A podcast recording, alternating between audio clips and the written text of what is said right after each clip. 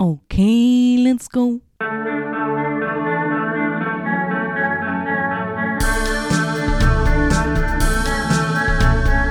Nicolas Cage podcast. Nicolas Cage podcast. Na na na na. Vond je een film van Nicolas Cage leuk? Dan zou het kunnen dat hij in deze podcast zit. Nicolas Cage podcast. Na na na na. National Treasure. Hallo iedereen en welkom bij National Treasure, de podcast waarin ik, uw host Brandon Calui, iedere keer een film bespreek met Nicolas Cage. Nicolas Cage podcast. Mijn gast voor deze aflevering is Zoe Kroegaard. Ze is actrice, theatermaker, schrijfster en een dierenvriend. Echt, ik kan met haar niet over straat lopen zonder te stoppen voor elke hond die ze ziet. Wat onze wandelingen alleen maar beter maakt. Welcome to the podcast, Zoe. Na na na na. National Treasure. Ik babbel in de mic, ik babbel in de mic. Jij babbelt in de mic, jij babbelt in de mic. Wij babbelen in de mic. Heel goed, dat is, Ah, eh, dat, is, dat, zijn, dat zijn groene levels. hè. Alright. Want we hebben het vandaag over Wild Yes. at Heart, de film van David Lynch dat zijn carrière heeft gemaakt. Wow, dat zou ik eigenlijk niet durven zeggen.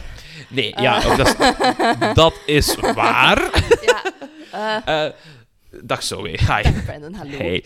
Eh, mijn eerste vraag aan u is, ben je een filmfan? Perfect, kijk hoe. Eh, maar ik, ik kijk te weinig films, maar ik hou eigenlijk wel ontzettend veel van film. Wat is uw eerste film dat je je nog kunt herinneren in de bioscoop? Pocahontas. Pocahontas. Ja, Pocahontas. Ik was eh, drie, of zelfs nee, ik was denk ik tweeënhalf. Ik was echt super klein. En eh, mijn tante ging met mijn broer, want zij is een meter van hem. Mhm. En ik mocht eigenlijk niet mee, maar ik heb gehuild totdat ik mee mocht. Oh ja, ik, ik, ik, ik herken dat ergens Ja. ook wel. Ja, bij Ja. mij was dat dan meestal dat mijn, mijn vader dan zei... "Ah, Ik pak u wel mee naar een film en dan kan Jonathan, mijn broer, wel naar een andere film gaan kijken. Ja. Dat was bij ons altijd gescheiden wegen. Ja, nee, wij gingen wel samen en ik denk, ik denk echt dat ze het gewoon opgegeven hebben op een gegeven moment. Gewoon gezegd hebben. En ik herinner mij ook bijna niks van die film. Hè. Ik herinner mij wel van de draaimolen, waar dat ik niet op ben durven gaan. En van het feit dat we... Ah, van, van de, de hapjes, de snacks in de cinema, die herinner ik mij ook nog. Ah. Van die drinkbussen in de vorm van Pocahontas. Klinkt keigoed. Klinkt fantastisch. En eh, natuurlijk, ja, ben je een Nicolas Cage-fan? Eh, ja, eigenlijk wel, maar nog niet zo heel lang. Hm? Eh, de, de, het fenomeen Nicolas Cage is eigenlijk onder mijn aandacht gebracht door een ex-lief van mij. Ehm, die dus heel hard een fan was. En, Mhm. en die heeft mij ook zo wat dingen doorgestuurd. Zo wat filmpjes over Nicolas Cage en zijn manier van spelen en zo. En ik heb ondertussen wel een paar Cage-films gezien. En ja, het is wel het is een heel intrigerend figuur. Dus ik, ik, ben wel, eh, ik ben wel een van de lovers. Ik ga iets hoger zetten.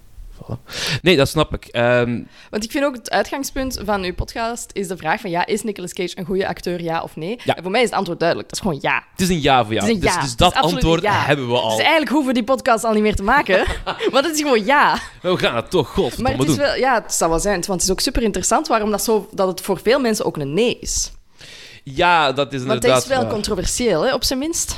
Dat kun je wel Onze minst zeggen, inderdaad, dat hij controversieel is. Ja, Ja, Onze man himself. Ja, Wel ja, n- bij ons staat dus een cardboard cutout, oftewel in het Nederlands een kartonnen figuur van, van Nicolas Cage zelf uit zijn laatste film, de Massive Talent film met Die Pedro Pascal. heb. Ik heb die gezien in de bioscoop helemaal alleen.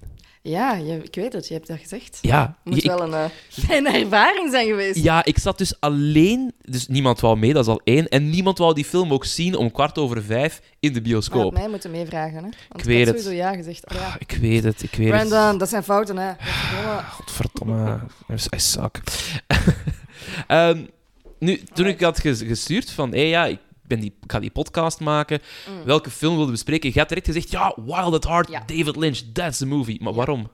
Ehm, ja, dat is eigenlijk een heel stomme reden. Ik heb die film voor het eerst gezien eh, in mijn eerste jaar animatiefilm. Mhm. Eh, want ik heb animatiefilm gestudeerd. Ik heb dat niet afgewerkt. Maar kijk vooruit. Eh, en we hadden daar ook filmgeschiedenis. Ja. En dus Ik denk het allerlaatste, de allerlaatste les voor de examens ging over David Lynch. En wij moesten dan eh, voor ons examen, wat een mondeling examen was, moesten we elk drie films uitkiezen en die voorbereiden. En daar gingen we dan vragen over krijgen. En mijn eh 19-jarige dwaze ik dacht van, oh, ik ga David Lynch doen, ik vind dat wel cool. Maar dat was het laatste hoofdstuk van de laatste les. Ik had dat niet goed gestudeerd. Ik begreep absoluut niks van David Lynch. Ik had ook, denk ik, op dat moment nog geen andere film van hem gezien. Mhm. Dus dat examen was pijnlijk. Ik was er wel door, omdat je de andere twee films eh, wel daar deftig over kon spreken. Maar Ja. de vragen over David Lynch, dat was echt... Ah. En, wat had je dan? Had je dan deze film gezien van David Lynch? Ja, het was ook deze. Oké. Was specifiek deze. Dus die heb ik ook lukraak gekozen. Gewoon geen reden voor. Gewoon van, ah ja, dat is van David Lynch, ga die kijken. dus echt zo... Ja, ik was 19 jaar, weet wel. Dus... eh, en... eh, ja, dat is altijd zo wat pijnlijke herinnering geweest. En dus dachten, we pakken dat vandaag- trauma terug opnieuw. Ja, voilà. Maar vandaar dat ik dacht van, on- ondertussen zijn we zoveel jaren verder, hè, 12 jaar verder. Nee, niet zoveel, 11 jaar. Ehm Jezus, dat is al lang geleden. Ehm, maar dus ondertussen heb ik al veel meer gezien, veel meer gedaan, veel meer, meer films gekeken. Ik heb veel meer boeken gelezen. Allee, ja, ik, ik heb een beetje meer van de wereld gezien, dus ik dacht van, ik ga Ja. nu opnieuw naar die film kijken. Ja, je bent wat ronder geworden als persoon, want je hebt meer invloed Ja. gekregen. Om het ronder van vormen, maar dat ziet niemand. Maar zeg alsjeblieft, als er iemand moet spreken over gewicht. Ik ben een zitzak met ik, armen. bedoel, ik hè. ben blij, hè? Maar ik ben wel... maar dat is een ja, ander gesprek. dat is een heel ander gesprek. Ja, ik ben ook niet gerechtvaardigd om over gewichten te praten. Eh, weet ik veel. Ehm, ja, David ja. Lynch, Wild at Heart. Ik vind... Een, Yes. ik, ik heb hem eh, gezien... De eerste keer dat ik hem heb gezien, was in het middelbaar ook. Ja. Eh, Otto Gracht heb ik gedaan. Het eh, Secundair Kunstinstituut. Secundair Kunstinstituut. Otto Gracht, shout-out. Niemand luistert hier naar, dus dat is Nee, makkelijk. het is dat. Maakt Voilà. echt niet uit. Ehm, en dat was zo, ja, tijdens filmlessen moesten ze dan zo naar de cinema gaan naar Mm, films kijken. ja. En had dus van, ah, weet je, ik hoor wel wat van die, van die David Lynch, die Mm. naam vallen. Ik ga wel kijken. En ik heb dan Twin Peaks gezien. Ja, Vond ik keigoed. ja, En de deze. ja. En ik had eerst zoiets van, ah, er zijn veel tetten. Ja, er zijn wel echt... Er is heel veel bloot in die film. Ja, Dat is ja, amai. Ik bedoel, eh, Lula. Laura, Laura Dern, haar personage, toont echt heel vaak haar Ja. tieten. En dan heb je, eh, ja, op een gegeven moment met die, die, ehm, ja, die Mr. Ah, zijn naam kwijt, ik Ja. ben zo slecht. Ja, die, dus die man die die opdracht krijgt om die zo... Reindeer, Mr. Ja, Mr. Reindeer. Reindeer. Ja, Dat zijn ook alleen maar vrouwen. Mafioso-achtig figuur. Ja. Een beetje onbestemd, ja. Dus dat was... Allemaal ook naakte vrouwen. Ja, klopt. Ja, ik had ook zo'n beetje... Want ik had in dezelfde tijd Eyes Wide Shut gezien. Ja. Dus ik had ook Oh, wel zoiets van... Ik zie wel een link. Er was geen link, buiten dan... Ah ja, Dat, ja exact. Dat, dat, en jij was waarschijnlijk jaar of 17, dus vol met hormonen. Oh, het zal Ja. niet zijn, jongens. Nu, eh, Ja? Ik weet, ze, het is wel ongeveer dezelfde periode hè, dat die films zijn uitgekomen. Eyes Wide Shut was ook ergens begin ja, Jaren eind jaren 90. 80, begin jaren 90. ja, ja, denk, Dat is de laatste van Kubrick, denk ik, hè? het is de laatste van Kubrick, Ja. inderdaad. Ik denk 90, 92, zoiets. Ja, dezelfde periode ongeveer. Maar dus ja, inderdaad, voor de rest Nee, geen gelijkenissen. nee, inderdaad niet. Nu, als het gaat over de film, Ja. eh, ik heb Twin Peaks ook gezien zo tegelijkertijd. En dat is eigenlijk wel slim tussen haakjes, Mm. want toen dat de pilot gedraaid Ja. werd van Twin Peaks, heeft hem eh, een faillissement deels meegemaakt. Mhm. Ja, Ja. dus eh, Dino De Laurentiis, daar werkte Lynch wel wat mee mee en werd wel Mhm. meegezogen, die werd failliet verklaard. Mhm. Want Lynch had zoiets van, ah, ik heb nu die pilot gedraaid en die wordt Ja. dan nog geëdit en noem maar op. En ik wil graag mijn twee projecten, Ronnie Rocket en Saliva Bubble, gaan maken. Nu heb ik daar de tijd voor. Mm. Dan kwam dat faillissement en dan zeiden ze van, ja, dan ga ik dat maar niet doen, hè. Ga ik maar iets anders doen. En dan heeft hij... ehm Propagandafilms heeft hem dan gecontact. Mhm. Dat is zo'n filmhuis. Die zeiden van, weet je wat, ik heb een boek liggen uit 1940. Maak daar nu een keer een nieuwe film noir van. Zo wat met tegenzin zeiden dan van... Zo lang gelezen, Ah. zeker. Maar zijn associate producer, die werkte op Twin Peaks, dat was Monty Montgomery, Ja. had iets van, weet je, ik ga mijn maat Barry Gifford een keer contacten, dat is een schrijver, en eens vragen, waar zit jij mee bezig? Mhm. En die was bezig met de laatste paar hoofdstukken voor, volledige titel, Wild at Heart, The Story of Sailor and Lula. Mhm. Ja, en daar is in een bal eigenlijk Ja. beginnen rollen. Want om even duidelijk te zijn, eh Wild at Heart is niet geschreven in 1940, hè? Want Nee, nee, nee, wat dat je zei was even verwarrend. Ik dacht van, Nee, huh? inderdaad. Maar ik heb net een interview met die schrijver gezien, dat kan toch niet dat dat uit 1940 is? Ik heb een interview met de schrijver gezien. Ja, ehm, Oh, dus shit. ik heb dus, lieve mensen, ik heb dus de DVD gaan halen in de bib, want ik ben niet van deze tijd en ik weet niet hoe ik illegaal dingen moet bekijken. Ik ook niet. Ik heb, ik Dus heb, ik de, film dingen- ik heb de film gekeken op eh, HBO Max. Dat heb ik dus niet. Ik heb alleen Netflix, dat ik dan nog eens illegaal ook bekijk. Ehm, Wij sponsoren maar- trouwens geen illegale shit, nee, hè, jongens. nee, nee, nee. Niet doen, hè, jongens. Ik, ik ben de film gaan halen in de bibliotheek. Dat is echt heel oldschool, maar dus Ja. bibliotheken hebben echt gigantische dvd-collecties. En eh, zoals het betaamt bij dvd's zijn er ook extra's. Oeh. Dus er is een making-of van een half uur. Ah, En daar wordt- er dus ook gesproken met onder andere de schrijver van Wild at Heart. ja, en met eh, ook de acteurs, met Nicolas Cage ook, is er, eh, zijn er korte fragmenten interview met David Lynch zelf. Dus het is leuk om naar te kijken. Je komt wel een aantal dingen te weten die ja, wel leuke weetjes zijn. Zoals? Vertel. Eh, zoals bijvoorbeeld ehm, Laura Dern, die Lula speelt. Ja. En ehm, Diane Ladd, die ehm Marietta speelt. Dus Ja. haar moeder in de film. Zijn ook in het echt moeder en dochter. Klopt helemaal, inderdaad. Wat heel leuk is. Ja. Al ja. En daarop aansluitend op een, op een draaidag, want ik heb het, wacht, dat staat bij mij. Ik heb ook zo, je bent zo goed voorbereid, Brandon. ik heb, ik heb weetjes en ik heb ditjes en datjes. Wacht, hoe deed de film het? En we het later wel weer over. Wacht, hè. Ik heb hier zoveel. Hier. Eh, de zoon, Ellery Harper, Ja. die was ook... eh, allee, die liep daar ook zo'n keer rond. En die heeft David Lynch ontmoet. En die zei van, ah, ik zou graag wel de film willen zien als die af is. En David Lynch zei van, ja, wacht daar anders mee totdat je dertig bent. Niet omwille van wat die mama aan het doen was. Maar omwille van wat die oma aan het doen is tijdens deze film. Wat ik ook wel snap. Hè. Ze maakt haar gezicht helemaal rood. Die wordt zot, hè. ja, ja, ja, amai. Dat is echt onge- ongelooflijk. Ja, het is dat. Maar dat is inderdaad wel, wel grappig, dat moeder en dochter Ja, eigenlijk dan samen in een film zitten. Je ziet dat ook wel vaker. Bijvoorbeeld eh, een andere reeks op Netflix, Made, over inter- intergenerationeel trauma. Eh, Mhm. Ook een heel moeilijke moeder-dochter-relatie. Dat zijn ook effectief in het echt leden, mo- moeder en dochter. En ik vind dat soms wel interessant, omdat dat wel een... Ja, die, die chemistry dat je tussen acteurs nodig hebt, natuurlijk, als je moeder en dochter zijt en je speelt dat ook on screen, ja, dat, dat, dat is er dan gewoon automatisch of zo. Gevoeld dat daar Mhm. ergens een band is tussen die figuren. Hetzelfde Denk denk ik ook dan met, met koppels. Dat je dan als je een koppel moet spelen en je. Want Dat is ook de reden waarom dat zo, zoveel mensen achteraf een koppel worden, hè? ja, dat is... hè. Chemistry on set can be pretty real. I mean, eh, Ja, je hebt ook zo'n paar van die acteurs die dan echt seks hebben gehad on, eh, op set. En dan later een koppel zijn geworden. ja, maar dat lijkt mij toch moeilijk. Zo seks hebben on set met zo'n 16 man dat er rond staat. Oh, ik heb dat en een met camera's en licht. Allee, ja, ik heb het ook fake gedaan, hè, maar echt seks hebben? Nee, nee, oh ja. Jesus e- Echt, echt, nee. ik heb het daarover, hè? dat, dat noem ik porno. Ja, ja, ja. Allee, ja, Dat is een vak apart. dat is, dat, is een, dat is een podcast apart, hè, om daarover te hebben. Ja, maar- dat gaat niet met mij zijn, want ik heb daar geen ervaring mee. Ah, nee, ik ook niet, hè. Wat, denkt jij nu? Maar jij bent al naakt geweest op een scène, hè? Of quasi naakt, bijna naakt, Hey. onderbroek naakt. Eh, onderbroek naakt. eh, ook al naakt geweest. En ook al zo van die nep seksscènes moeten Ja, doen. Wat dat echt lastig is. Want dit is zo, in mijn geval was dat dan een paar man in, in het huis van ja, een associate. Die dan zo gaat van... Allee, raakt die daar nu wat meer aan? Doet dat iets meer? Doet dat zo en zo meer? En je zit er echt te gaan van... Help? en, er is, en er is niks goed, hè? Want ja, Ja, of je het wel of niet. Dat is allemaal eh, raar. Ja, Het is wel allemaal raar. Maar wat zat er nog in de making-of van Wild at Heart? oh, heb ik nog... eh, Want je hebt, je hebt een boekje bij, Ja, dus voilà. je, hebt ook, je bent ook voorbereid, hè? Ik ben een beetje voorbereid, ja. Wat was er nog? Ik heb gewoon maar random dingen opgeschreven over het Shoot. geluid. Maar misschien, maar misschien moeten we niet zo echt random random... Nee. Dit zijn echt random Dit is heel random, Dus- dus inderdaad. Laat Dat, me- dat gaat een beetje te moeilijk zijn voor de luisteraars. Ik zal- ik zal een beetje meer in de ik zal even wel in de productie eh, Yes, blijven. voilà. Dus, Hou de structuur erin, Brandon. we houden de structuur erin, inderdaad. Klein zo, hè. beetje. Klein, klein, klein, klein beetje, klein beetje. Ehm, dus Barry Griffith heeft Wild at Heart geschreven. En toen dat eh, Montgomery, de associate producer, eraan kwam, zei hij van... Ja, ik heb nog twee hoofdstukken af te schrijven. Mm. Geef me even. Mm. Maar- Ah, ja. Ja, het was... Dus het is eigenlijk zo snel al betrokken geweest. Ja, Ja, alright. ja dus echt cool, van cool, Lynch moest hij een 1940s Ja. film maken. Maar is die er dan gekomen, die 1940s Nee, film? absoluut niet. Ja, nee, Nee. ja.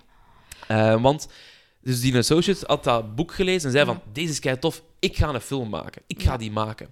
En hij gaf die aan Lynch om te lezen van, hey, wilde jij anders niet produceren? Ja, ja, ja, ja. En eh, Lynch, ik heb een citaat van hem, Lynch zei, yeah, yeah, that's great, Monty, but what if I read it and fall in love with it? I want to do it myself. Montgomery Which happened. Voilà, maar Montgomery zo van, oh, dat gaat uw ding niet zijn. Wow, dat komt niet. well, the rest is history. Exact. Lynch schreef erover: It was just exactly the right thing at the right time. The mm. book and the violence in America merged in my mind, and many different things happened. It is a really modern romance in a mm. violent world. A picture about finding love in hell. And was also uh, attracted to a certain amount of fear in the picture, as well as things to dream about. So it seems truthfully in some way. Dus ja, ik een film maken. Ik het doen. Ik schrijf erop. Mijn film. Ja. En Montgomery zei van, ah ja, dan is het uw film met it. boy. ja. En dan is hij naar propagandafilms Ja. gegaan. Mm. En heeft hij gezegd, deze film. Is goed. Maar, jij hebt wel wat tijd verkwist. Mm. Dus jij gaat wel op de originele startdatum dat wij hadden voorzien, beginnen met draaien. Dus je had twee maanden om alles in elkaar te Wat? boksen. Dat is echt heel kort. Ik wist dat het kort was, maar ik wist niet dat het zo kort was. Wat was twee maanden voor het filmen, hè? Ja, ja, maar toch twee maanden preproductie. Ik bedoel, Ja. sommige films zijn jaren in preproductie. Ja, het is... Dat is dus bijna studenticoos, hè, eigenlijk. Ja. Ik heb een studentenfilm gemaakt. Maar- ah, ja, nee, maar ik bedoel zo in, in, in snelheid waarmee dat, dat geproduceerd is moeten geweest. Jezus. Ja, dat is ongelooflijk. Ja, ja, ja. Nu, de chance was... Met Laura Dern had hij al gewerkt in Blue Blue Velvet. En hij had ook zoiets van, toen hij dat las, van... Oh, ik zie u dat keihard doen. En met Nicolas Cage had hij een paar keer zitten af te spreken in een diner. Ja. Ook heel random, van we gaan samen Maar iets eten. blijkbaar, dat was ook een, wel een van de dingen dat, dat eh, in die making-of werd gezegd, is dat ook de manier waarop dat David Lynch eigenlijk werkt met acteurs. Er is niemand op, in die film dat echt auditie heeft gedaan. Nee, klopt, Die, ik die, gelezen. die praat gewoon met mensen en dan zegt hij van ja, ik zie, die, die ziet daar is het, het potentieel en de sensibiliteit in mensen en die tast af van kan ik daarmee gaan werken of niet en dan gaat hij ervoor. Ja. zalig. Maar ja, ik zou, ik, zou, ik zou daar honderd contracten voor tekenen om zo te kunnen werken. Dat is toch fantastisch? Dat Ja. iemand gewoon zegt van kom, we gaan, we gaan eens zien, we gaan eens fucking raar maken. Maar ja, dat is Heerlijk, gewoon... We hebben allebei een fucking hekel aan audities doen. Ja, maar audities zijn ook gewoon niet leuk. Nee, voilà. Toch? Allee, nee, ik heb wel al leuke audities gedaan. Allee, ja. ja, ik heb wel audities gedaan waarbij ik me echt wel heb geamuseerd. Maar over het algemeen, het concept aan zich van audities vind ik... Ja, ik kan dat, dat is gewoon doen. niet leuk. Dat is echt... Ja, ik zou ook liever hebben dan dat zo'n regisseur naar mij gaat van... hey, zeg, eh, ik vind uw vibe echt wel fantastisch. Ja. Wij maken een film. Of wij maken een stuk. Of wij maken Voilà. een project. Lijkt me En het ding is dat met een regisseur zoals David Lynch, dat is zodanig nog goede regisseur dat hij het er ook uithaalt uit zijn acteurs. Oh, in de fucking doubt. dat, dat moet ik wel zeggen. Want, want dat is ook echt een vak apart. Ja, ik heb, ik heb nooit met professionele makers gewerkt, maar wel met studenten, wat professionele makers in spe zijn. Mhm. En eh, ik heb gemerkt, sommigen kunnen dat en sommigen zijn er zo slecht in. maar echt waar. Ik heb eens, ik heb eens een, een, een student gehad en zijn enige regieaanwijzing was: doe dat nog eens, maar dan anders. Ja, Oh. ik blokkeerde daar compleet op. En dat resultaat was ook slecht. Niet alleen mij, maar gewoon heel de film was gewoon echt slecht. Ah ja, dat is geen acteursregie, hè. wat is anders? Ja, dat is... Al ja, en toen, ik was ook nog super jong, dus ik durfde ook niks te zeggen. Maar nu, nu zou ik echt zoiets zijn van, hé, gast. Hey, wat, wat moeten we hebben? Al ja, serieus. Dus dat moet ik is duidelijk. Anders, anders. Zal ik, weet ik veel, een dansje doen of zo? Al ja. Dan ga ik Ja. vierkant mijn hol kussen, alstublieft. Ik zit er weg. dus Lynch, terug naar, Anyway, eh, ja, naar, voilà, naar David voilà, en al. voilà. Die heeft eh, zijn eerste versie van zijn script geschreven in een week. Wat? Dat is een film van twee uur, Het is hè? echt twee uur, ja, het is een lang film. En er is, er is nog uit gesneden ook, hè. Oh ja, daar gaan we het Ja. meteen over hebben. Oh, er is zoveel in gesneden. Ehm, maar. Lynch zei over zijn eerste versie: It is depressing and pretty much devoid of happiness. No one wanted to make it. Mm. Nu, hij krijgt uiteindelijk dat hele boek binnen, met die Ja. laatste twee hoofdstukken erin. En hij zegt: Fuck dat. Dat is een kut einde. Want in het boek gaan ze uit elkaar. Ze blijven weg. Ah, ja, Ja. ja, ja, ja. En Lynch zegt daarover: it, is, it honestly didn't seem real, considering the way that they felt for each other. It didn't seem one bit real. It had a certain coolness, Mm, but I couldn't see it. En dat snap ik ook wel. ja. Ik bedoel, op, allee, spoilers, je hebt tijd gehad. Het is uit 1990, deze film. Ja, het is dat. Als je hem nog tot nu toe nog niet gezien hebt, dan... Allee, ja. Ja, het is dat. Je hebt echt lange tijd Het gehad. is dat. Het is langer dan dat wij hier allebei zijn, lieve kijkers. Dus, Ja, dus zoveel tijd heb je gehad. Ik bedoel, kijk, grijze haren, grijze haren, beginnende rimpels. Alle tijd van de wereld dus. Je spreekt dus over jezelf. ik heb echt ook keiveel grijze haar Volgens overal. mij, ik, ik denk dat ik er zelfs een aantal van hieruit zie. Ja, Dus- voilà. Wij zitten op, wat is het, een meter afstand van elkaar? Ja, dat is ongelooflijk. Nog altijd coronaproof. ja, eigenlijk wel. Eigenlijk wel. Ja, maar ik, ik snap het wel, hè, want op het einde gaan ze gaan uit elkaar, maar hij krijgt dan die prachtig mooie Wizard, Wizard of Oz, Ja, Good. Witch droom, en dat toch naar terug gaan. Je ziet dat kind ook gaan van, oh, papa is terug. Ja, ik vind dat een goede Ja, het keuze. is, het is een echte happy ending. Ja, Ja, Ik- want ik, ik eh, las ook dat volgens kritieken, ja, of dat er de kritiek kwam van ja, maar ja, dat is gewoon puur ironisch bedoeld, die happy ending. Dat is niet echt, want als je al dat geweld ziet en ja, ja, ja. Maar David Lynch heeft altijd volgehouden van het is een echte happy ending. Die twee komen echt bij elkaar. ja. Of blijven ook echt bij elkaar. Maar het is En ook... het is heel naïef, maar dat, dat klopt, vind ik, ook wel heel hard in, in, in de opzet van de film. Het is dat, want het begint Ja. ook deels dat hij in de gevangenis zit, eruit komt en zij wacht op hem. Ja, En dan hebben ze dat hele wild at heart Ja, adventure. ja, ja, ja, dus ik denk van, ja, dit is gereset ergens. Maar het zou raar zijn als hij nu opeens zegt, ja, ik heb het gehad. Ja, ja, ja, ja, ja, ja, ja. Het is echt, het is, maar het is heel extreem, hè, de, de liefde en tederheid dat ze voelen. Mhm. Ehm, omdat, ja, dat is echt wel, echt wel behoorlijk crazy shit dat die meemaken samen. En toch blijven zij echt voor elkaar kiezen en, en blijft zij van hem houden. Wat eigenlijk ook echt fucking zot is. Ja. Want nu met mijn volwassen brein kijk ik ernaar en denk van, there are so many fucking red flags. Run, girl, run. Ik bedoel, heeft al de gast gewoon doodgeslagen en dan gaat hij een overval plegen en komt hij nog eens in de gevangenis terecht. En what the fuck? Ik bedoel, who in their right mind would ever... Het is ook een soort van...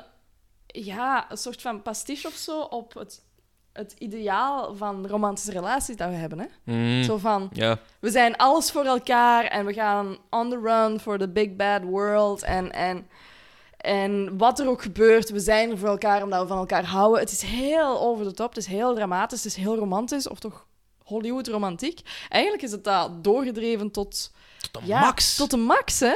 maar is- daarin wel al het geweld en alle Ja. kortigheid Ja, dat daar ja. ook in zit. Het is, het is bijna, het zijn zo alle clichés van, van Hollywood cinema die echt zo worden doorgedreven tot, Ja. ja, tot een extreem is. Waardoor het geen klassieke film meer is. Want eh, mijn huisgenoot uh, die vroeg me daar van, ah, welke film kijk je? Ik zeg, ah, Wild Heart van David Lynch. En hij vroeg me, welke genre is het? En ik zeg, Oeh. ja, het is een David Lynch film. Dus dat is een beetje een genre aan zich. En hij zegt van, nee, nee, maar je snapt niet welk genre is een romantische film. Dus ik zeg, ja, pff, het is, het is een beetje romantisch, het is een beetje een thriller, het is een beetje, er zit veel geweld in en, en seks. En hij zegt, ah, het is dus een klassieke film. En ik zeg, nee, het is geen klassieke film.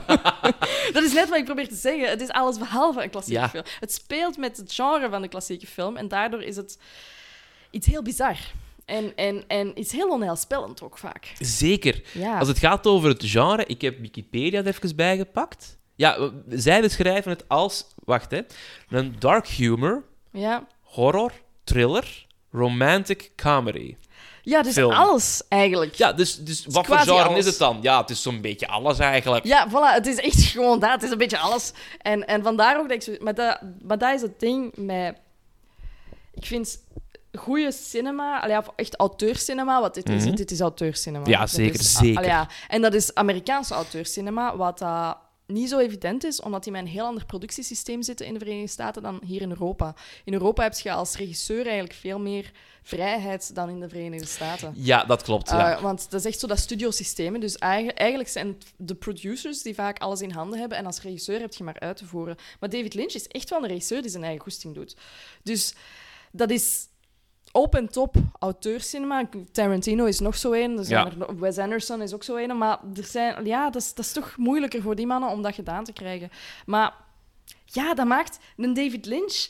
Die kunnen eigenlijk nergens... Ja, ja, het, het is echt een, een, een, een ding aan zich. Hè. En dan nog vind ik dat Wild at Heart... Ik heb niet zoveel gezien van David Lynch. Ehm, ik heb eigenlijk echt heel weinig gezien van David Lynch. Ik heb ehm, Eraserhead gezien. ah ja, daarvoor, ja. Fucking raar is. Ja, Echt fucking raar is. En twee, drie afleveringen van Twin Peaks. Dus voor het moment dat het echt raar wordt. Want die eerste afleveringen zijn best nog die zijn vrij oké, Die zijn hè? vrij oké. Dus ik, ik ben... Ja, dat was toen door omstandigheden moeten stoppen met kijken. Ehm, Maar als je dit dan vergelijkt met Eraserhead, dit is best toegankelijk. Vind ik ook. Ik bedoel, Eraserhead is echt... Ja, Ja, maar je noemt daar ook iets Ja. op, hè. Ik bedoel, ja, ja het, is- het zijn misschien wel echt twee extremen in zijn oeuvre, hè, maar... het, het zal nog niet zijn. Want Ja. nee, je, je merkt wel bij Wild at Heart, ja, oké, dat is hier wel een Lynch-film. Ja. Bij mee. Maar als je dat legt naast die, die weird-ass episodes van een Twin Peaks, of naast een Eraserhead, zelfs nog naast een Blue Velvet, dan zit je iets van, oh, dit is Mm. een introductie. Hmm, ja, ja, ja. Maar, maar ça va, maar ça va. Wat ik trouwens heel tof vind aan deze film, Ja. ehm, naast het feit dat het met Nicolas Cage is, is dat hij ook zingt. ja. Nicolas fucking Cage, de meister himself, zingt twee nummers. Van- hij zingt ja. Love Me van Jerry Lieber en Mike Stoller. Ja. En op het einde Love, Me tender, Love Me Dear van de enige Let Me Go. Geweldig. Van Elvis Presley. Ja. Wat vonden we van zijn performance als zanger? Ik vond dat eigenlijk wel goed. Ik vroeg mezelf af of dat hij het was. Ja, ja, ja. Dus Ja. ehm, Ik, eh, Lynch had een, eh, een cd gegeven aan, Ja. de, aan Nicolas Cage. Want hij had iets van, ja, weet je, eigenlijk Lula, dat is wat Marilyn Monroe. Ja. Dus jij moet die kant op gaan. Laura Dern. En ehm, ja, jij Nick, ik denk Elvis. Ehm, hier is het album Elvis Golden Records. We gaan er samen naar luisteren. mm. En dat is iets van, ja, wat denkt je? Ik zou graag willen dat je nummers gaat zingen. Ja. En het staat ook geschreven in interviews dat Nick vindt van zichzelf dat hij wel kan zingen, Mm. maar hij is geen zanger, absoluut fucking ja, leuk ja, niet. Dus ja, ja. ah, wikken en wegen, ja, ik doe dat. In de studio opgenomen, waarschijnlijk een beetje opgepoetst links en Mm, rechts, en ja, dan playbacken op set. ja. Maar ik had het eerst... Ik dacht ook zo van, is, is dat nu... Ja, ah, wel, dat was... Ik, ik vroeg het mij ook af van, is het Nick Cage of is het Nick Cage? Hij doet het eigenlijk wel goed. En... Ja, en, en sowieso...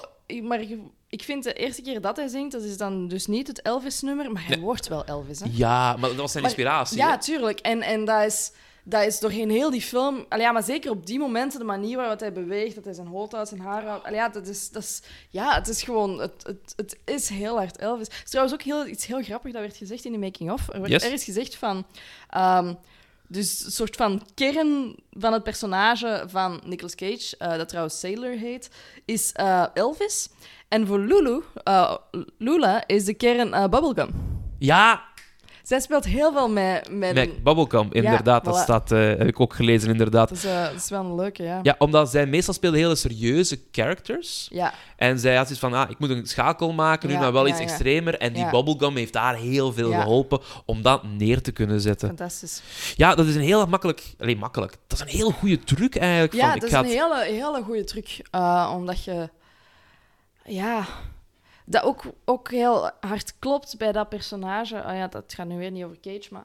Het gaat over de film. Het gaat over de film. Dus dat, want Lula, ik vind dat, is een heel tof personage, omdat ze... Ja, ze is hyper geseksualiseerd. Ze is echt... ja, het is echt zo het, het cliché van, van, van de blonde babe. En, Mm. Maar het is... Ook daar is zo tot in het extreme doorgetrokken. En, en ze, heeft, ze, is, ja, ze is hyper verleidelijk. Nee, nee, zelfs niet verleidelijk. Ze is gewoon hyperseksueel. Maar tegelijkertijd heeft ze ook iets heel meisjesachtig. En ik vind zo dat gegeven van die bubblegum... Dat, dat brengt ook beide bij elkaar.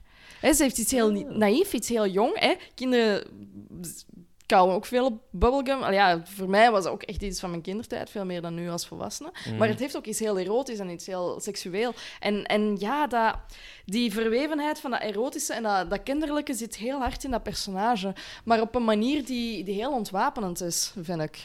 Daar heb je een groot gelijk in, inderdaad. Want inderdaad, ze vertelt ook dingen over haar jeugd die ook allemaal niet zo fantastisch waren. Je hebt dan die moeder die helemaal crazy is. Dus er zit Fucking wel... Maar ze, ze, maar ze beseft dat ook niet ten volle als, Nee, als exact. personage. Ze Ja, beseft dus dat niet ten volle. Dus er is echt een naïviteit in haar. En dat is ook de reden waarom dat ze volgens mij zo hard aan Sailor hangt. Want hij Ja. is dan het, het liefje en dan Ja, dat... ja. wij- wij zijn, het is wij tegen de wereld en die wereld Dat is echt- volwassen en groot. Echt fucked up. Ja, het is eigenlijk dat. Hè. Je hebt echt zo dat gevoel van het zijn twee kinderen die op de vlucht zijn in een, in een hell of a world. En proberen om zich daarin staande te houden en, en op een hele... Ja, ah, met zo de... alle heftigheid van, van jong, jonge volwassenen of zelfs nog pubers eigenlijk. Hè? Want Ja. ze zijn Pubers, echt. pubers, zo, zo, het zijn echt pubers. puber. Want Want ook de uitspraak dat ze doen, dus echt het hele taaltje dat ze Ja, hebben. ja. Er zitten citaten in. Mijn goede grutten. Hè. Het is ongelooflijk. Ik heb hier een, een, een kleine selectie gemaakt.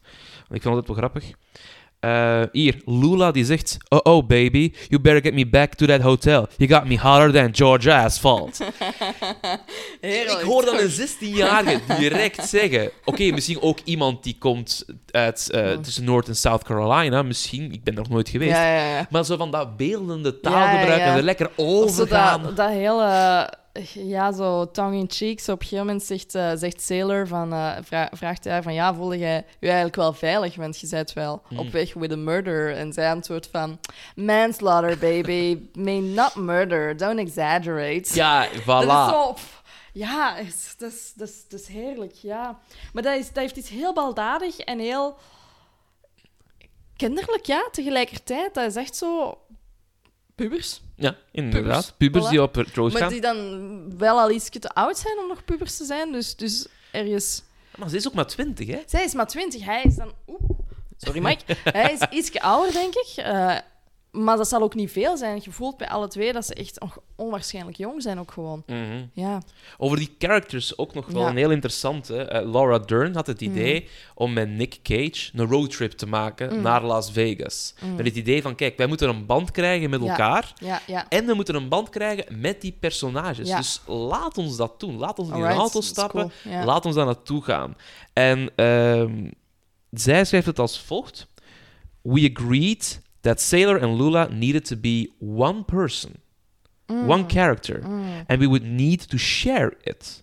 I got the sexual, wild, Marilyn, Mm. gum-chewing fantasy female side, and Nick got the snakeskin, Elvis Raw, constable, Mm. masculine side. En dat zie je ook, want ze vullen elkaar Mm. echt schoon aan. En dat is misschien ook wel dat puberaal dat wij hebben. Namelijk Ja. datgene dat wat zij ziet in hem, hij nodig heeft en omgekeerd, Ja, ja, ja, dat ze elkaar gewoon Wat dat je altijd wel ergens hebt in een, in een relatie, maar ik denk naarmate dat je, dat je ouder wordt en als je zelf een beetje ontwikkelt, Mhm. dat je toch ook heel erg jezelf vindt en, en dat je meer jezelf ook kunt blijven, meer contained kunt blijven in een relatie. Terwijl dat als je jong bent, ah ja, ik had het toch zelf als ik puber was, ja, ik vloeide helemaal over in mijn eerste liefje. Dat was, ah, Oh. ik, ik, ik stak alles wat ik was en wat dat ik wou zijn. En, en dat, was, dat was echt, ja, gelijk al mijn energie die zo... en dat is iets schoon. Mhm. Eh, en dat is ook een ideaal dat wij als maatschappij, denk ik, nog altijd koesteren over relaties. Ik weet niet of het per se gezond is. Oeh, En, ja, en, dat weet ik en, niet. En ik weet niet of het eigenlijk is, iets is om naar te streven. Want ik, ja, ik merk zelf zo van, als ik zo kijk naar Sailor en Lula, dat is, ja, dat, dat doet mij iets, dat raakt mij. En ik denk van, ja, ik wil ook zo'n liefdesverhaal. Maar dan is er ook een deel van mij dat zoiets heeft van, nee, je wilt dit echt wel niet. Al ja, je wilt dit echt wel niet, want hoe schoon en... en nee. Ja, ik, ik, Nee. ik, her- ik herken die strijd echt ook wel Ja. van, ah ja, ik wil dit wel, ik wil dit niet. Ja. Ehm, omdat, ehm, ja, wacht, ik heb het hier ergens ook weer opgeschreven in mijn veel te lange... ehm, Veel te lang. Veel ja, te goed ik heb, tien, voorbereid. ik heb tien pagina's, wat. Tien pagina's, dames en Tien heren. pagina's. Tien pagina's aan voorbereiding. Omdat ehm, hij zegt ook wel van ja, het, eh, ehm, ik, ik, eh, ik zie u ook heel graag en ik vind u zo fantastisch. Herhaalt hij een paar Mm. keer. Eh, Ja. Dat die Good Witch ook gaat van ja, don't, don't, turn your, eh, don't turn away from love, sailor. Don't Ja, turn away from love. Ja. En je hebt zoiets van. Ja, oké. En dan ook wat dat Sailor zegt, vond ik ook een hele schone. The way your head works is God's own private mystery. Mm. En ik heb zoiets van, Ja. ja, ik snap dat. En dat zou ik, ik zou dat schoon ook wel willen zeggen tegen mijn lief. Oh, weet je hoe dat jij denkt? Weet je, Mm. zelfs, zelfs God, Jezus, Mozes, weet ik veel wie dat je allemaal nog wilt opnoemen. Flying Spaghetti Monster. Die weten niet, die weten zelfs niet hoe dat uw schoonheid werkt. Ik vind dat hyper poëtisch. Dat is hyperpoëtisch. En je ja. wilt dat iemand dat tegen u zegt. Allee, ik wil dat dat iemand tegen mij zegt, ik zal dat zo zeggen. Brandon, dan wilt je graag dat ik zo'n dingen tegen u zeg? Maar we hebben geen relatie met elkaar op dat vlak. waar. Het zou gewoon een beetje raar zijn als Ja, dat zou doen. Dat zou een alternate version zijn van deze podcast. Ja. Over alternatieve versies gesproken. ja, zie mij een keer bruggen maken, jong. Hey. Oei, dat was een brug. Oké, kom, kom maar op met eh het Nou, volgende zijn- onderwerp. Er zijn twee alternate versions van de film. Ah ja, ja, ja. Ehm, nu, het grote ding was... Ja. ehm, ja, de film zich had ehm, bij de eerste paar screenings wat problemen. Ja. Er zijn de eerste keer 80 mensen weggelopen en daarna nog, een keer bij de tweede screening 100 mensen weggelopen. Ja. Met het idee van, dit is te neig. Dat was Ja, omwille ja. van een martelscène. Ja, Dus hij heeft daar wat ingeknipt. Ja. Dan is dat naar eh Cannes gegaan, heeft daar een Palme d'Or gewonnen. Ja, maar ook Wat keigoed. ook controversieel was op dat moment, heb ik gelezen. Omdat... Maar in Cannes doen ze dat wel vaker, hè? Ja, Ja, een beetje mensen die roepen en opstaan uit de zaal en dan, en dan heel verontwaardigd zijn over Oh my god, we had to watch this atrocity. En dan andere mensen die tien minuten lang een staande ovatie geven, is ook een beetje deel van het spel van Cannes natuurlijk. Want dat is ook wel wat er gebeurd is. Ja. Die film heeft staande ovatie gekregen Ja. en dan werd hij genomineerd. En dan was opeens heel wat boegeroep. En dat was geleid wel door één dude. Mhm. En dat was de ehm, filmcriticus voor de Chicago Sun-Times. Roger Ebert. En Ebert schrijft... Lynch is a good director, yes. Mhm. And he even goes ahead and make a film about what's really on his mind instead of hiding behind sophomoric humor and the cop-out of parody. Dus aanhalingstekens. He may realize the early promise of his Eraserhead, but he likes the box office prizes that go yeah. along with his pop satires, so he makes dishonest movies like this one. En dat is ook weer van dat hele Ja. goede einde en zo. Ja, ja, ja. Maar de studio die dat dus die film had gekocht, hè, van ja, jij maakt film voor ons, die zei, wat dat je hebt getoond in Cannes, goed, leuk, maar dat is een X-rated film. Wat wil dat zeggen? Echt enkel voor volwassenen, eh, omwille van de seks, omwille van Mm, drugs, omwille van geweld, noem maar op. Dus dat, dat gaat niet. En wij hadden een afspraak, Lynchy Boy. Jij maakt geen X-film, je maakt een R-rated film. Dus Mm. jij gaat moeten knippen, schattenbad. En dat heeft hij niet gedaan. Ah ja, oké. Wat heeft hij wel gedaan?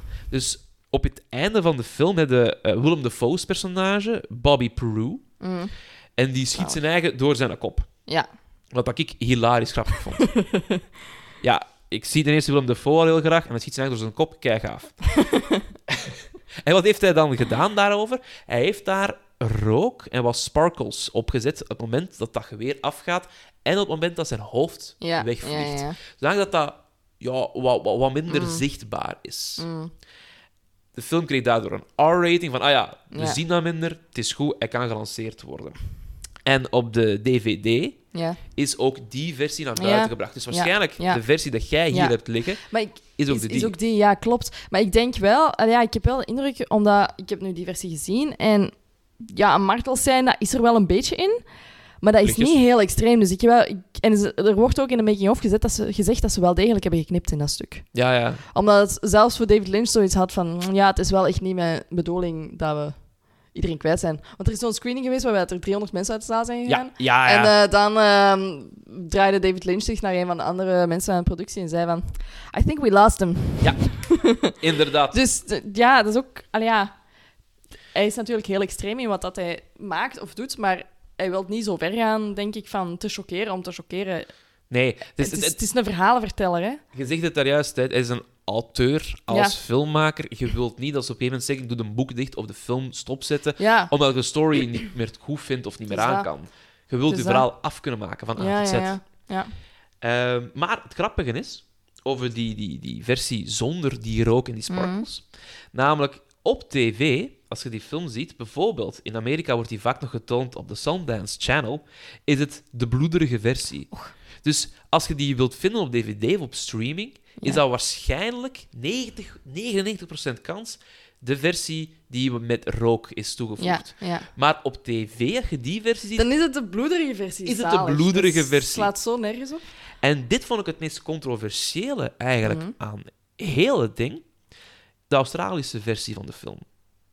Voor dvd's ehm, begon die film met een shot dat Sailor, dat is Nicolas Cage, en Marietta Fortune, dus Diane Ladd, seks hebben met elkaar op die wc's. Mo. Ja. En op de dvd's hebben ze gezegd van, we knippen dat eruit en we beginnen gewoon gelijk de rest. Maar dat zat er eerst dus nog in. En ik, Ja, want dat is volledig afwezig in, in, in de versie zoals ik het nu heb gezien. Ja. Heeft Sailor geen seks gehad met zijn schoonmoeder? Nee, ik, wijst ik hij haar dacht- af. En, en, en it all make, also makes sense, want het is omdat hij haar afwijst dat zij ja, jaloers is. En, en, en, maar zij is ook bang dat hij, dat hij iets gezien heeft dat zij niet heeft moeten zien. Want ja, kom, laten we eerlijk zijn, zij heeft gewoon haar man vermoord. Eh, Ja, dat wordt de- niet letterlijk gezegd, maar dat wordt wel heel hard geïnsinueerd. Heel hard getoond ook. Heel hard van, ja, getoond ook, voilà. gooi jij er wat benzine op en Ja, eh, ik sta er wel bij. Die rode voilà. schoenen. Maar die rode schoenen, dat was toch dat andere personage? Eh, dat kan. Ja, ja, Maar dat ik- was niet ze zei ze. Omdat Dat die rode schoenen eh, komen wel een paar keer terug. Ja, ja. Ook, bij maar die, die ehm, rode schoenen met die, met die netkousen, dat was ehm, dat, dat, dat vriendinneke. dat vriendinneke daar. Ja, dat van, vriendinneke van van, de Peru. sequel. Want er is een sequel. Ah ja, Ja, dus dat personage, dat, Ja. die, die vrouw, wiens naam we allebei nu niet meer weten, ja, voilà, sorry. dat is niet erg. Slechte research, Brandon. Tien pagina's was niet genoeg. Ik weet het. Die, eh, die heeft een eigen film gekregen Alright. rond dat personage. Nu, Lynch Ja. heeft daar niks mee gedaan. Ah, ja, ja, maar ze zeiden dus- van, oh, we vinden die interessant. We gaan daar iets mee doen. Ja. Wat dat keizot is, eigenlijk. Ehm, ja, je hebt het al gezegd, hè, er liepen heel veel mensen weg uit de film. Ja. Eh, wij zijn allebei wel fan van de film. Ik vind hem echt, echt goed. Het is, eh, ik vind hem heel beklijvend. Het is echt een ervaring. Ehm, omdat... Het is, ook, het is een heel intense film om naar te kijken. Oh, zeker. Want het is, het is al heel intens in wat er getoond wordt op vlak van geweld, op vlak van seks, op vlak van fucked up personages die elkaar proberen de kloot af te draaien de hele tijd, Mhm. ehm, manipulatie. Maar ook op filmisch gebied. Het is echt... Lynch gebruikt echt alle filmische middelen. Ook zijn soundtrack is zo zot en intens. Zijn montage is echt heel heftig. Dus je voelt heel een tijd zo'n soort van ge- gevoel van gevaar en, en van ja. van ja, een soort van vervreemding die eronder zit. En, en, en dan zijn er soms zo momenten waarin dat, dat zo uitbarst in. in eh, waar dat de soundtrack dan zo uitbarst in, in eh, dat nummer van, eh, van Strauss, van Rich- Richard Strauss, ehm, Abendrood, denk ik. Ja, Wat dat heel, ja, heel sentimenteel is. Dat zijn strijkers en, en dat zijn dan momenten dat, dat, dat Lula en, en Sailor echt verliefd zijn op elkaar. En je voelt ook dat ze, ah ja, je wordt ook als, als toeschouwer worden ook van de ene emotie in de andere gesmeten. Hè? Want er is Mhm. walging, er is geweld, er is, er is, ah ja, er is dan afkeer en, en, en er is shock, er is spanning, er is romantiek, er is erotiek. Hè? Want zijn, sommige scènes zijn ook behoorlijk opwi- opwindend om naar te kijken. Vind ik zelf ook als toeschouwer. om, ja, Ah, ja. Het, zal, het, het zal nog niet zijn om, om, dus, het, eh, ja, om het te zeggen met de woorden van Sailor. Man, I had a boner with a capital O. Ik was blij dat ik alleen thuis was, jong. Ja, Wilt je weten hoe dat de film gescoord heeft?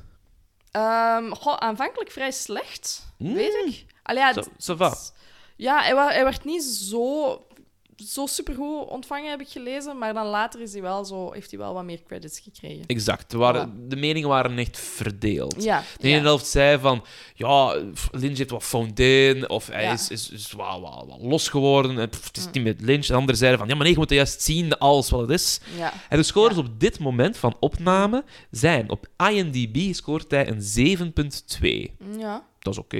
ja. Rotten dan. Je hebt de critics, die zeggen het is 68% goed, ja.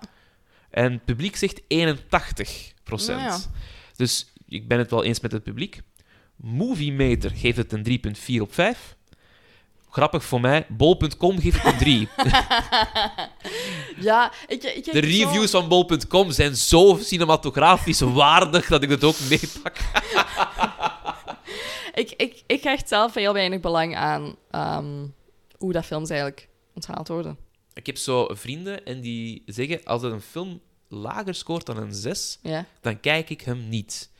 Maar op basis waarvan, al ja, wordt, dat ook, wordt dat ook uitgerekend? Zeker vandaag de dag. Ik bedoel, ik kan mezelf ook op filmkritiek noemen en op IMDb of weet ik veel reviews beginnen schrijven. Ah ja, ik weet niet wat dat op IMDb gaat, maar op andere platformen gaat dat wel. Ik kan reviews schrijven en alles wat ik wil. Ik kijk graag naar films, maar ik ben echt geen, geen expert. Nee. Dus ik heb zoiets van, als je film wilt zien, kijk gewoon naar de film en, en fuck off met die sterren en reviews. Dat is echt een debiel systeem eigenlijk. Ja, ik denk ook zo mis je heel veel Ja, unieke visies. Dat vind ik ook het leuke aan deze podcast. Ja. Want eh, ik vraag meestal aan mijn gasten: welke film wilde jij zien? Ja. En zo, allee, negen keer op tien in deze podcast heb ik hem al gezien, want ik ben een Nicolas Cage fan. Mm, Maar mm. ik heb een aantal mensen die zeggen van, ah, wacht, als je later gaat opnemen, die een film, eh, soms dat ik ken, nog niet ken. En dat Ja. vind ik dan heel Hij heeft gaaf. ook echt fucking veel films gemaakt, hè? We spreken over de 100 films. Ja, ja, ja. Dus eh, ik, ik weet nooit hoeveel dat hij er precies gemaakt heeft, maar... De vraag is ook, wanneer stopt een- hij een mens met films maken? Ja, het is, het, is het een harde werker? Is het omdat hij schulden heeft? Is het omdat hij het echt gewoon graag doet? Oeh, dat is Is het interessant. because he doesn't, he doesn't give a shit? Ik, ik weet het niet. Het is, het, is, het, is, het is fascinerend, op zijn minst. Wel, over heel die reis kunnen we zeggen dat deze film eigenlijk de start was. Mm, Want Nicolas Cage vertelt in interviews dat het dankzij mm, David Lynch zijn vertrouwen was, mm. dat hij eindelijk van method acting is afgestapt. Ja, Hij ja. heeft gezegd, nu kan ik gaan Ja. experimenteren. Dus het is dankzij Lynch zijn, zijn, Mm. Zijn visie en zijn vertrouwen dat Nicolas Cage de man is geworden Ja. die we vandaag voor onze neus eindelijk hebben. En ik denk dat we daarmee ook bij de kern komen eh, bij, over de vraag waarom is hij zo'n ja, disputed actor? Mhm. Waarom vinden sommige mensen zo fantastisch en waarom anderen niet?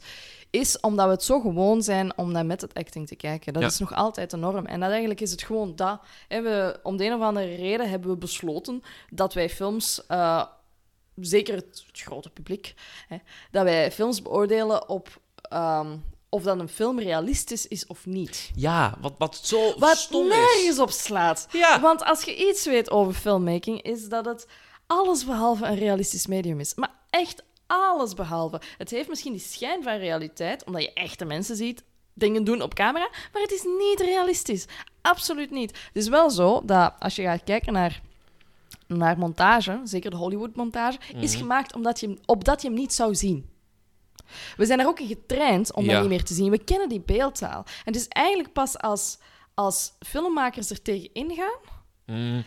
dat je als publiek ook voelt van wow, dit is bizar. Maar een gewone klassieke Hollywoodfilm, normaal gezien gaat je die cuts niet zien. En dat is ook expres zo gedaan. Is... Omdat je volledig in die kijkervaring moet gezogen worden. Je moet eigenlijk vergeten wie dat je zelf bent. En, en volledig ja, opgaan in die realiteit van wat dat je ziet. Want natuurlijk, we weten allemaal dat dat niet echt is. Eh, maar je kiest er wel voor om je, ja, je, je ongeloof even op te hangen. Hè? In het Ja. Engels noemen ze dat suspension of disbelief. Ehm, maar dat is zo'n een, een criterium geworden waarom dat mensen een film goed vinden of niet. Dat we daar zelfs prijzen aan gaan Ja. hangen. En ook die... Want dat vind ik het hele mooie. Lindsay Gibb beschrijft het heel mooi in haar Mhm. boek National Treasure, de reden van deze podcast. Dat Nicolas Cage zijn keuzes gebaseerd zijn niet op dat is verwacht, maar juist dat is onverwacht. Ja, ja, en wat is ja. uw artistieke visie? En ik wil daar... ja. Want hij noemt zichzelf de ultieme leerling.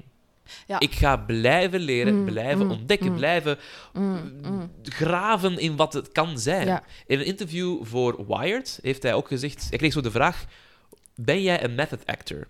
En hij antwoordde, that depends on the method. En dat vind ik een geniaal... Ah, dat is zalig. Dat is een geniaal Dat is antwoord. Gewoon het zalig, idee van, ja. ja, eh, het western kabuki, dat vind ik ook interessant. Snap je? Dan denk ik van, ja, Ja, ja, ja. ja. Want- ja, ja, ja, ja. hoe meer films dat je inderdaad ziet, hoe meer theorie dat je erachter leest, hoe meer dat je ook gaat van, ho, mannekes, ik ben daar realistisch, jij zwets wel wat beu. Laat ons een keer wat crazy gaan. En deze film is daarin een heel mooi voorbeeld, want, allee, hij heeft, hij heeft een beetje het vooroordeel van, ah, het is de crazy acteur. En hij valt hier reuze goed mee. Maar ja, omdat al de rest van de film zo fucking cra- crazy is. Ja, I know. Al die personages zijn zo compleet over the top. En, en zo, dat Nicolas Cage eigenlijk best nog normaal overkomt. Zeer film. normaal overkomt. En dat in contrast met andere films, waar dat hij volledig echt zo loose cannon shot is. Waarbij de alle andere acteurs zeggen, we weten niet meer zo goed wat we moeten doen om ons hier staande te houden, want hier kunnen we echt niet tegenop. Maar hier, alles is gewoon zo extreem, Dat ja, hij volledig ja, er is geen enkel personage in die film dat wij normaal zouden noemen. Geen enkel. Zelfs Lula, die we allemaal zo leuk vinden. is niet In het normaal. echte leven? Jesus. Ja, man, je kunt dat niet mee. Nee, Je kunt dat niet nee, aan. dat, je kunt dat niet aan. Hoe, hoe ah, dramatisch dat zij is. En ah, Sailor! En dat, gaat, allee, ja, dat is zo over de top. Dat is, en die zijn allemaal zo... Die moederfiguur is compleet geschift in... eh, ehm, Uh, Bobby Peru is... Oh, Willem Dafoe. Oh, zijn tanden. Oeh. Oh, dat was... Oh, walgelijk. Ja, kijk, daarom, Afschuwelijk, maar fantastisch. daarom ook Willem, Willem Dafoe, Dafoe. in die film is ook Willem echt Dafoe. geniaal. Ik heb ook echt het gevoel dat al die acteurs zich kapot hebben geamuseerd. Dat hoop ik wel, eigenlijk. Blijkbaar was zo de fun on set echt heel belangrijk. Ja, Ja, ja. goed zo. blijkbaar is David Lynch ervan overtuigd dat je plezier moet hebben om goede dingen te maken. exact. Dus, dus maakt hij er ook echt een punt van om het leuk te houden op de set. En Oh, fine. zeiden andere acteurs ook van, wij kregen zo'n vrijheid om... om het was de, ehm, Diane Ladd, die, die, de, die de moeder speelt, ehm, zegt op een gegeven moment... It's thanks to David Lynch that I could birth this character. Ja, en what kind of a birth Ja, it is. ja, het is dat. Maar dus dat, dat feit dat je, dat je ergens hebt kunnen maken en dat... Ja, ik vond dat een hele mooie manier van dat te verwoorden. Van ik heb dat karakter kunnen, kunnen geboren laten worden. Echt uit mijn ingewanden. Want het gevoel, dat, dat is ook het gevoel dat je krijgt bij dat figuur. Dat is echt zo'n Rauw en carnal. Ja, ja, dat is zo vleeselijk. Dat is... Oef. Echt... Heerlijk. Ik Ja, vond het ook geniaal. En dan, want dat is ook mijn, mijn fantasy brain dat daar even in werkt. Het feit dat zij wordt gelinkt steeds aan de Wicked Ja. Witch of the Ja, West. ja, ja, ja. En heel die reis die eigenlijk hangt aan The Wizard of Oz. Vind ik daar ook een heel schoon idee Mm. aan. Namelijk, Mm. dat was een idee van Lynch. Dat hij dacht van, nou, ik kan dat daar wat aanhangen. Ik vind dat wel tof. Maar daar krijgt het ook wel een gelaagdheid door. Op een gegeven moment... Hè, eh, Laura Dern's personage, die moeder, maakt haarzelf helemaal rood met die lippenstift. En ik dacht, ah ja, dit is gewoon de rode versie van de Green Wicked Witch. Mm, Die dan ook in haar een bol aan het kijken is. Ja. En het feit dan dat eh, Lula op een gegeven moment dat dan, eh, in, dat, in die motelkamer staat. Willem Dafoe is net van haar afgestapt, zal ik maar even zeggen. Dat ze dan met haar hielen Ah, tikt ja, ja, van, ja. ik wil hier weg. Dus dat is ook weer dat kinderlijke dat daarin voorkomt. Dat doorgetrokken wordt. Niet alleen in Lula, niet alleen bij Nick, niet alleen in die moeder, maar over die hele film. Mm. Wat dan eigenlijk ook weer een verhaal kan zijn, als in... We hangen hier iets aan, niet om u toe te dekken, maar misschien juist om het u duidelijker te maken. This is a fantasy, Mm. a strange, dark, horrible fantasy. And you need to get out. Maar deze mensen kunnen niet weg. Ja, ja, ja. Fucking hard is dat. Ja, ja, ja. Ja, ja. Ik vind dat prachtig. Wilt u trouwens een aantal... Dat vind ik grappig om te vertellen. Dus die heeft een aantal prijzen gewonnen, deze film. Ja. Dus Eh, ja, dus- de Palme d'Or in Cannes. Voilà. Eh, Independent Spirit Award film voor beste cinematografie. Mhm. Voor Frederick Elms was die dan. En de MTV Video Music Award voor beste video van een film. Want er is een clip gemaakt Ah, voor ja. een van de nummers. Dus eh, Chris Isaac heeft een aantal nummers gemaakt, waaronder Wicked Game. Mm. En Wicked Game heeft ook een videoclip gekregen, geregisseerd door David Lynch. Ah ja. waar dan cool. ook Cool. stukken van de film in zitten. Ja, dus die heeft een prijs gewonnen. Maar dan... Mijn Hola. dit vond ik geweldig bij mijn research. Ehm, het heeft ook twee Yoga Awards gewonnen. Yoga Award. Ja, Yoga Awards. Dat zijn ironische awards voor slechtste Spaanse en buitenlandse films sinds 1990. Het jaar dat deze film gereleased was. Maar het is toch geen Spaanse of.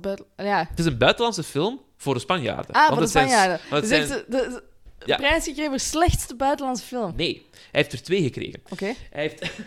dus de, de, de awards krijgen ook namen. Dus Ja. eh, slechts buitenlandse regisseur, hij was dan David Lynch. De award kreeg de naam Bluff Velvet. En slechts de buitenlandse casting, dat was dan voor Diane Ladd, de moeder. En de awardnaam was Not Without My Daughter.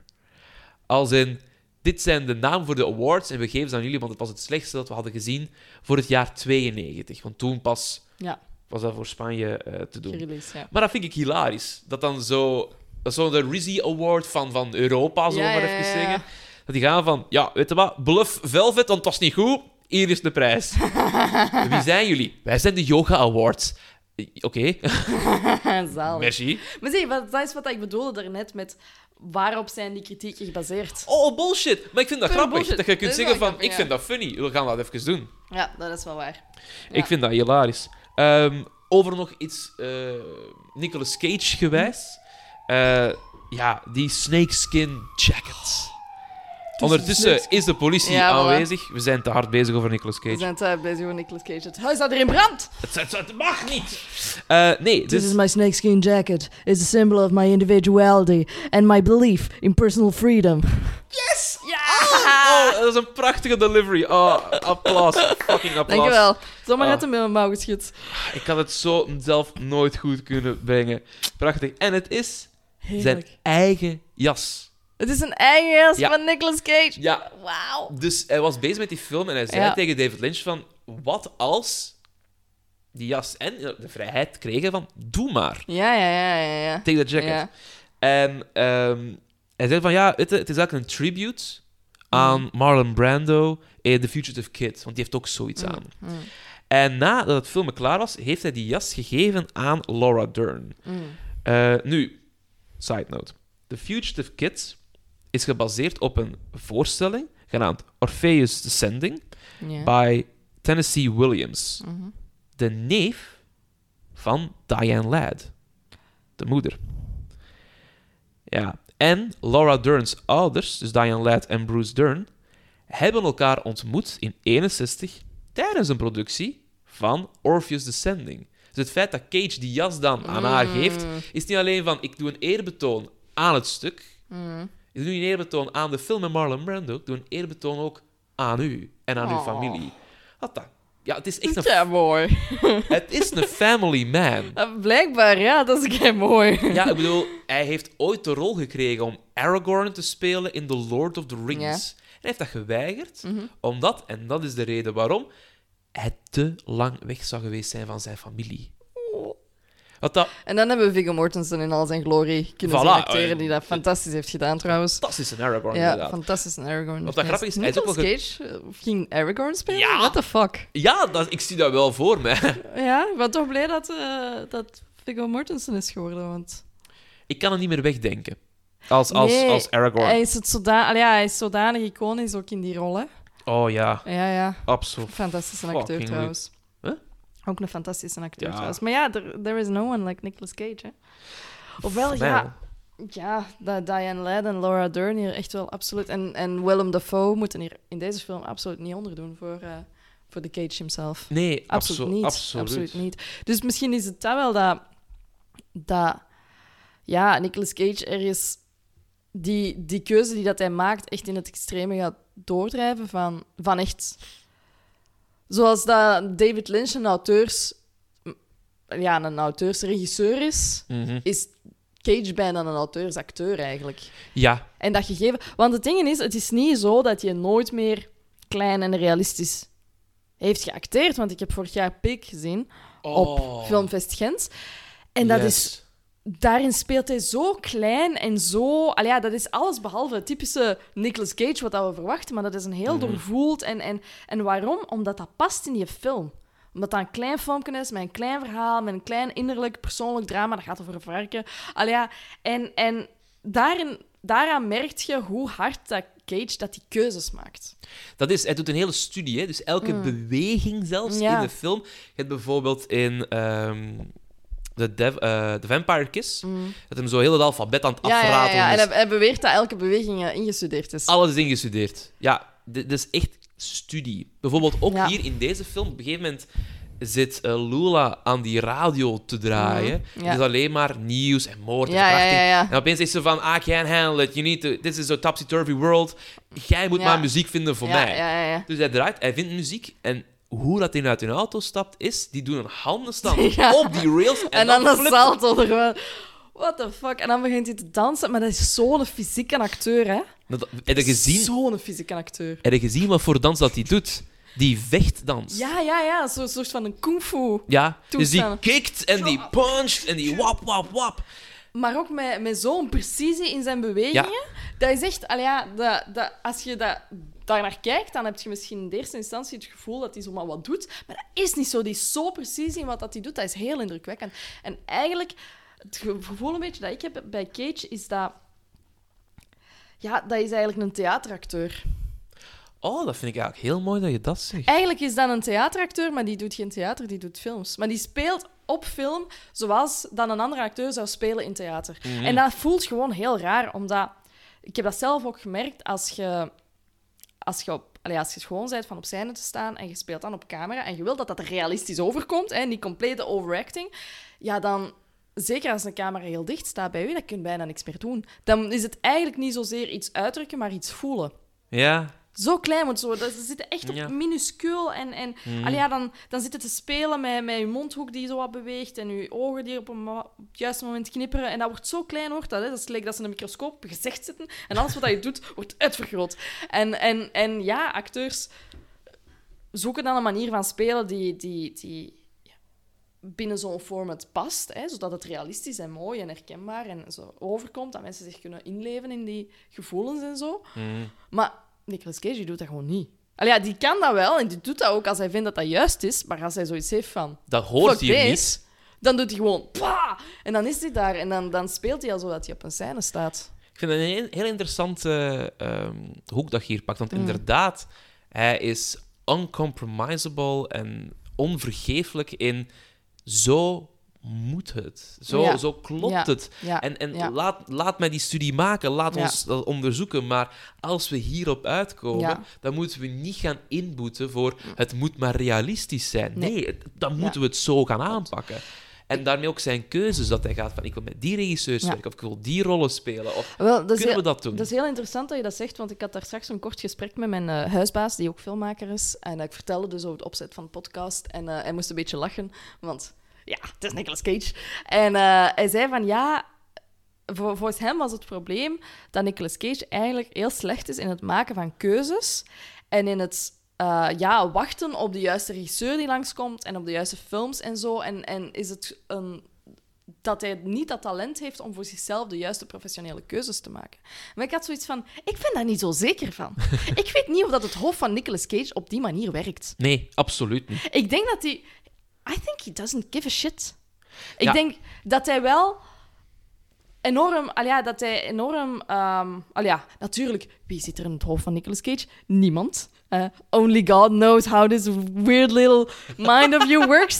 Om maar even heel slecht te quoten uit de film die we gezien hebben. Ehm, maar ja, ik krijg, zo, ik krijg echt zo bijna het gevoel dat hij echt gewoon zich helemaal niet aantrekt wat dat mensen van hem zouden verwachten, of wat dat een slimme professionele keuze zou zijn, maar dat hij gewoon zoiets heeft van, ik doe gewoon alles wat voorbij komt en ik kijk wat ik eruit kan halen. En wat dat mensen ervan denken, maakt mij niet uit. Ik ga gewoon spelen. Dat is exact wat dat Lindsay Gibb ook beschrijft. Die heeft zich een tijdje wel aangetrokken van, van ja, wat voor zijn slimme keuzes en wat, wat moet ik hier nu doen. En dan is hem daarvan afgestapt, omdat hij vond dat hij zichzelf aan het limiteren was. Mm, ja.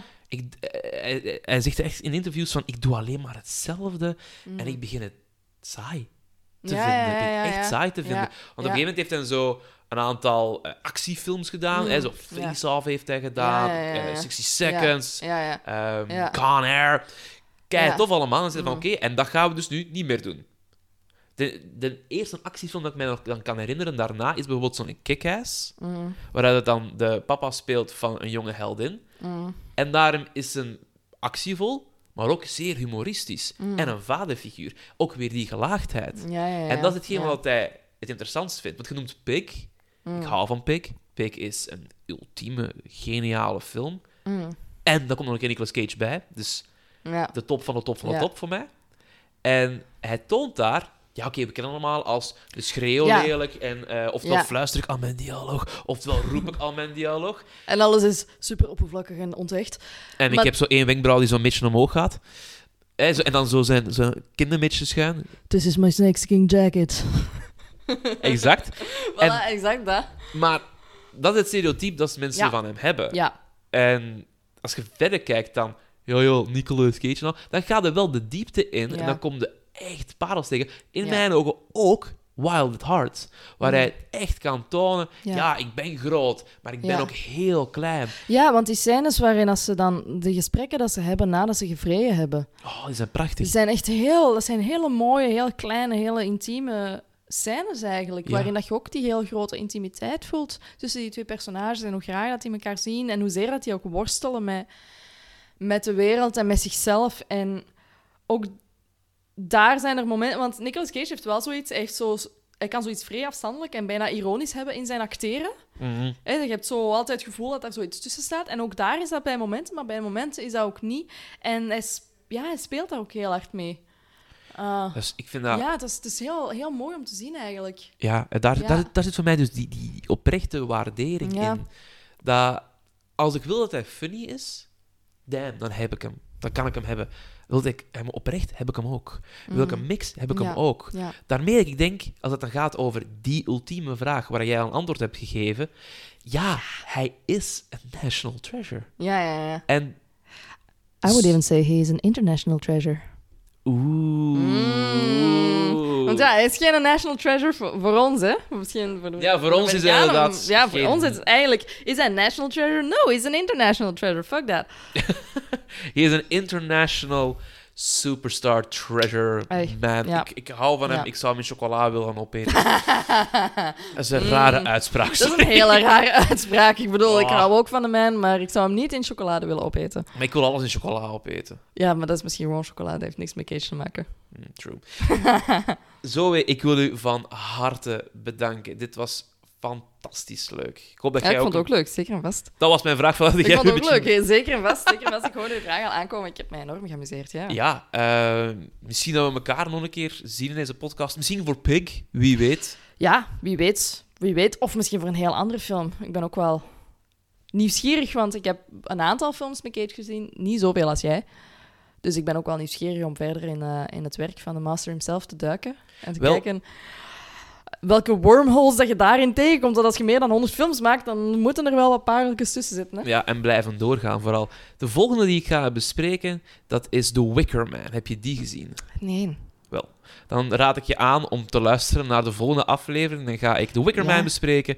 En voor alle luisteraars en voor de mensen op beeld zeg ik dankjewel om te luisteren en om te kijken. Ja, en good for you als je zo lang hebt volgehouden om naar ons gelul te luisteren. Wow. Ik vond het interessant. Het was Ik vond, ik vond het ook interessant, maar ja. Dit was het voor deze keer. Ik bedank graag Jeff Jacobs en Naomi van Damme voor de intro, Megan Kremers voor het artwork en u om te luisteren. Graag tot de volgende keer when we will capture lightning in a cage. Nicolas Cage podcast. Na na na na. National Treasure.